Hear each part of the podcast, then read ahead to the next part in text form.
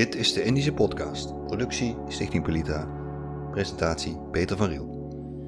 Op 15 augustus verscheen Ongedeelde Ervaringen. Persoonlijke herinneringen aan de gevolgen van het einde van de Tweede Wereldoorlog in Nederlands-Indië. In de serie Indisch Cahier Nijmegen. Het boekje is de afsluiting van een vijfjarig programma dat het comité India Herdenking Nijmegen vanaf 2015 heeft uitgerold.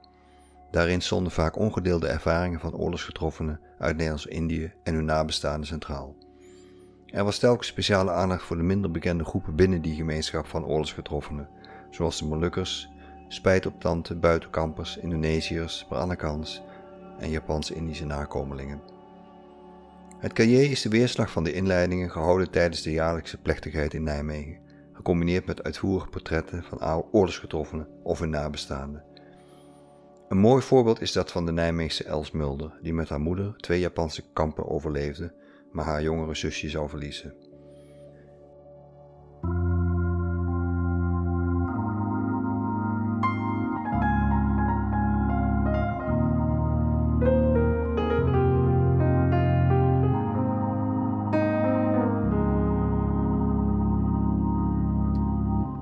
Els Mulder is op 17 juli 1933 in Nederlands-Indië geboren uit Nederlandse ouders. Zij waren in 1930 uit Arnhem naar Nederlands-Indië vertrokken nadat vader een betrekking had gekregen aan een rooms-katholieke lagere school in Yogyakarta.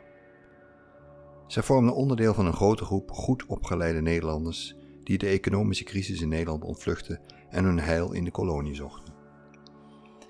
Vader werd al gauw hoofd van de school die onder beheer stond van de paters Jezuïeten. Vanwege zijn deskundigheid en omdat hij over de benodigde papieren beschikte, kreeg hij weldra een betere betrekking in Bandung.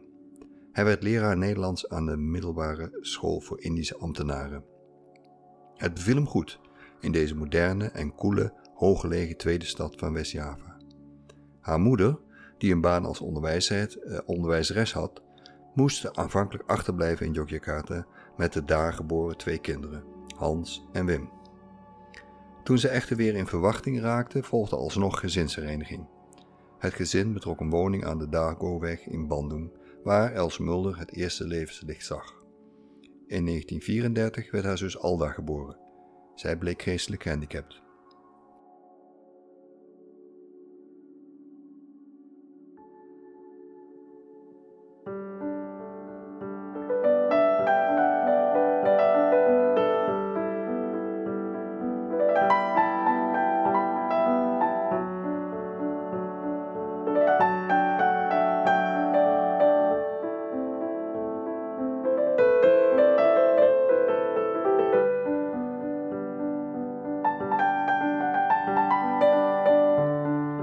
1936 ging het hele gezin voor enkele maanden met verlof naar Nederland.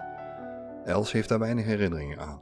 Op de terugreis vernam haar vader dat hij was benoemd tot leraar aan de roemruchte Koning Willem III HBS in Batavia. Met lichte tegenzin verhuisde het gezin naar de hoofdstad, waar het echter een prachtige woning betrok aan de Javaweg 43 in de nieuwe wijk Menteng. Het huis had een voorgalerij en een ruime tuin waar de kinderen fijn konden spelen. Het personeel bestond uit twee baboes, een kokkie, een jongos en een tuinman. Haar eerste herinneringen stammen uit die jaren. Els vertelt van de tripjes met de auto naar Lembang en Sukabumi. Ze bewonderde de theeplantages rond de Puncak-pas en zagen de vulkaan Tangkuban in de verte. Els genoot ook intens van de Sparta-partijen in zwembad Polonia en de korte vakanties in de bergen bij Lembang. Daar was haar vader eind 1941 al niet meer bij omdat hij was gemobiliseerd vanwege de op handen zijnde Japanse invasie. Ze herinnert zich eveneens dat contact met de familie in het moederland door de Duitse bezetting in die tijd gebrekkig was.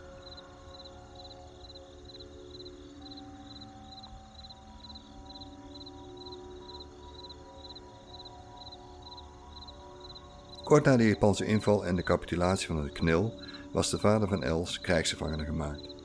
Hij werd na een korte gevangenschap op Java uiteindelijk via Singapore naar Japan verscheept, waar hij te werk werd gesteld op een scheepswerf in Osaka. Daar, bleek na afloop van WU2, is hij op 13 februari 1944 aan de gevolgen van een verwaarloze longontsteking gestorven.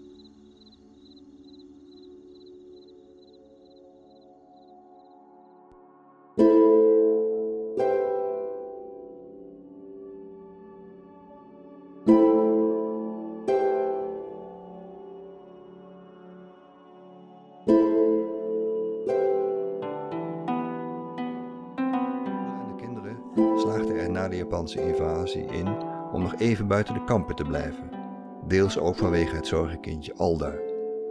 Ook had een bevriende arts een plakkaat op de gevel van hun woning bevestigd waarop stond dat in het huis difterie heerste, een besmettelijke longziekte waar de Japanners als de dood voor waren. Uiteindelijk moest het gezin het huis aan de Javaweg toch gedwongen verlaten, waarmee een periode van leven in de interneringskampen begon. De eerste halte was Chideng, een met gedek, gevlochten bamboe en prikkeldraad afgezette stadswijk van Batavia. De bewaking was in handen van Japanse soldaten en Indonesische hulpsoldaten. Aanvankelijk mocht men het kamp nog even uit om inkopen op de passer te doen, maar dat werd al gauw verboden. Uiteindelijk was iedereen voor voedsel geheel van de centrale keuken afhankelijk. Els heeft goede herinneringen aan mede-geïnterneerden die muzikale optredens verzorgden.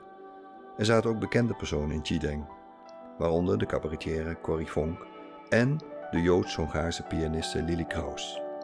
Zij hadden de pech dat tijdens hun tournees in Indië de Japanners het land binnenvielen. Lily Kraus gaf aan het begin van de internering nog wel eens fraaie piano-recitals in de gymzaal van het kamp. Els genoot er met volle teugen van.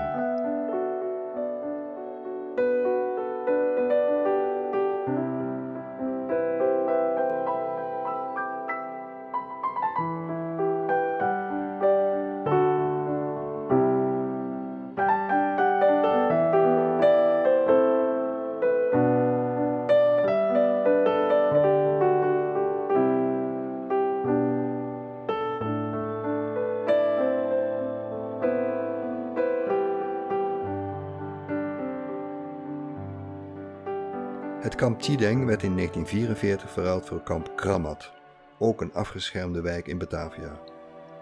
Alleen moeder en de twee zussen konden daar terecht. De broers moesten vanwege hun leeftijd van 12 respectievelijk 13 jaar naar een mannenkamp. Ze kwamen in de wijk Grogol terecht. Een harde klap voor moeder, zeker omdat de jongens niet vergezeld werden door hun vader. Ze had de grootste moeite het hoofd boven water te houden in Kramat, waar de voedselsituatie gaandeweg steeds nijpender werd en de onderlinge spanningen toenamen. Met name de gezondheidssituatie van de kleine Alda ging steeds verder achteruit. Zij werd al gauw opgenomen in het kamphospitaaltje. Toen dit verhuisde naar het Kroko-kamp, verhuisde Alda mee. Els en haar moeder mochten zich pas na enige tijd bij haar voegen. Ze troffen haar uiteindelijk zwaar verwaarloosd aan. Alda zou het kamp niet overleven en stierf op 17 maart 1945. Moeder was ontroostbaar na het verlies van haar jongste dochter maar ook door de onzekerheid over het lot van haar man en van de zonen die van Grogol naar andere kampen waren verplaatst. Moeder raakte fysiek steeds meer verzwakt en kwam eveneens in het hospitaal terecht. Daar beleefde ze haar moeilijkste momenten. Els werd in die periode min of meer aan haar lot overgelaten en voelde zich doodongelukkig. Ze herinnert zich nog wel dat ze enige tijd onder de hoede is genomen door een Indische vrouw bij wie ze dikwijls tezamen met andere kinderen in een kring op de grond speelden. Ze bleef er een zwak voor Indische dames aan overhouden.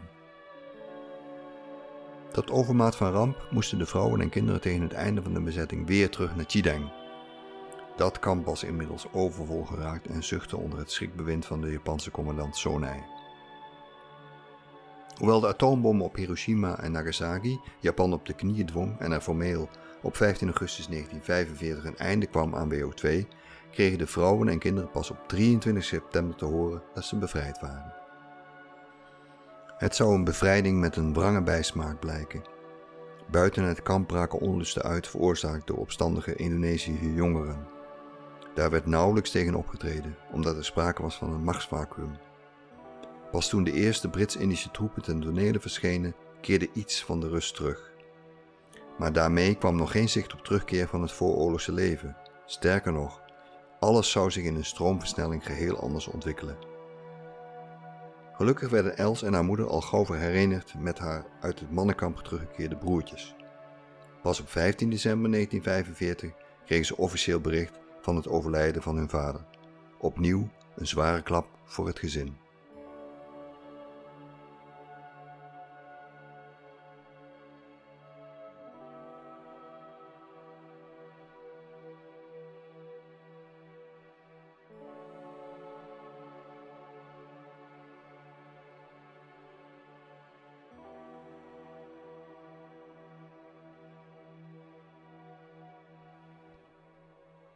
Het was ondertussen steeds onveiliger op straat geworden.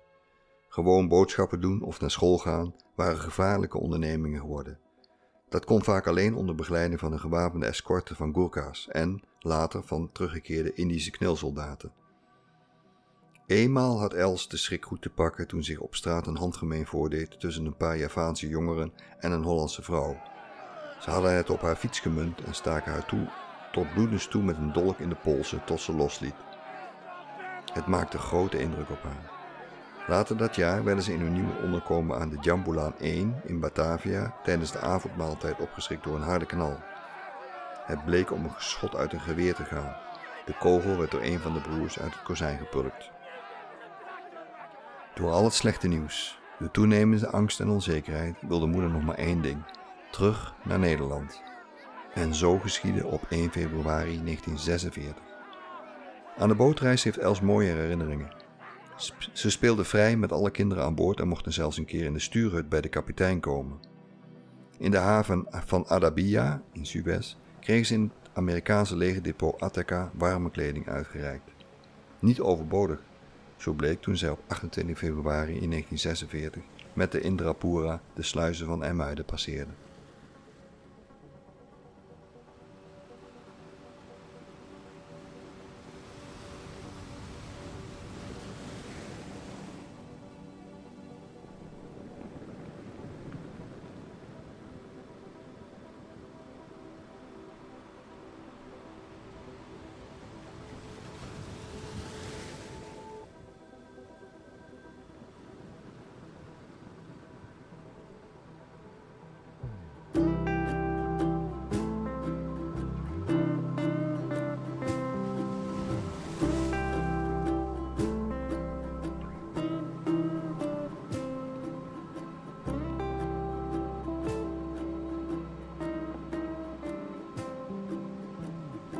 Na aankomst in Amsterdam werd het gezin per bus naar Arnhem gebracht, waar het werd opgevangen bij familie. Maar ook hier moest het de nodige tegenslagen verwerken. Er heerste woningnood en iedereen moest inschikken, hetgeen met de nodige wrijving gebaard ging. Els pakte de draad weer op en kwam in de vijfde klas van de lagere school te zitten. In 1949 lukte het moeder een eigen woning te bemachtigen aan de Couperenstraat 3 in Arnhem. Els ging naar het Katholiek Gelders Lyceum en behaalde daar het gymnasiumdiploma. In 1956 slaagde ze voor de kweekschool. Els trouwde in 1962 met Hans Pikkemaat, kreeg twee kinderen, waarna haar tijd grotendeels in beslag werd genomen door het gezinsleven. Pas veel later zou ze weer iets voor zichzelf gaan doen. Ze ging alsnog klassieke talen studeren. Op oudere leeftijd bezocht ze samen met haar man steeds vaker Indië-herdenking en Indische middagen. Ze troffen er lotgenoten die hen ontbrekende puzzelstukjes uit het verleden aanreikten.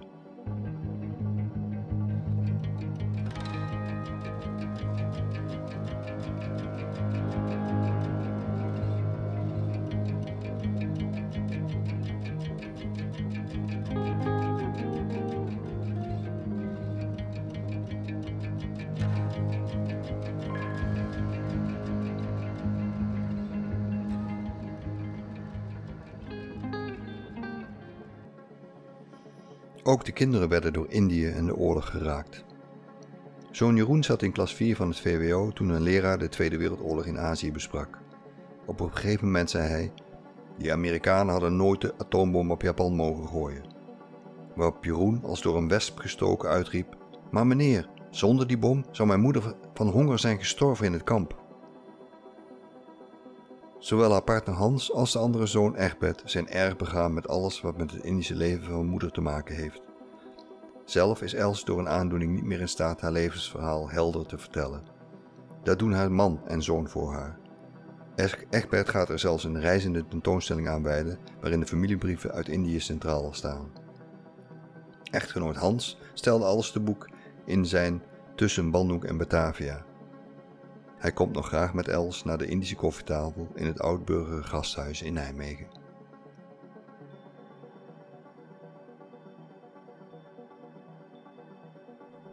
Dit was de Indische podcast. Productie Stichting Pelita. Presentatie Peter van Riel. Wilt u meer weten over de inhoud van deze aflevering? Ga dan naar www.pelita.nl.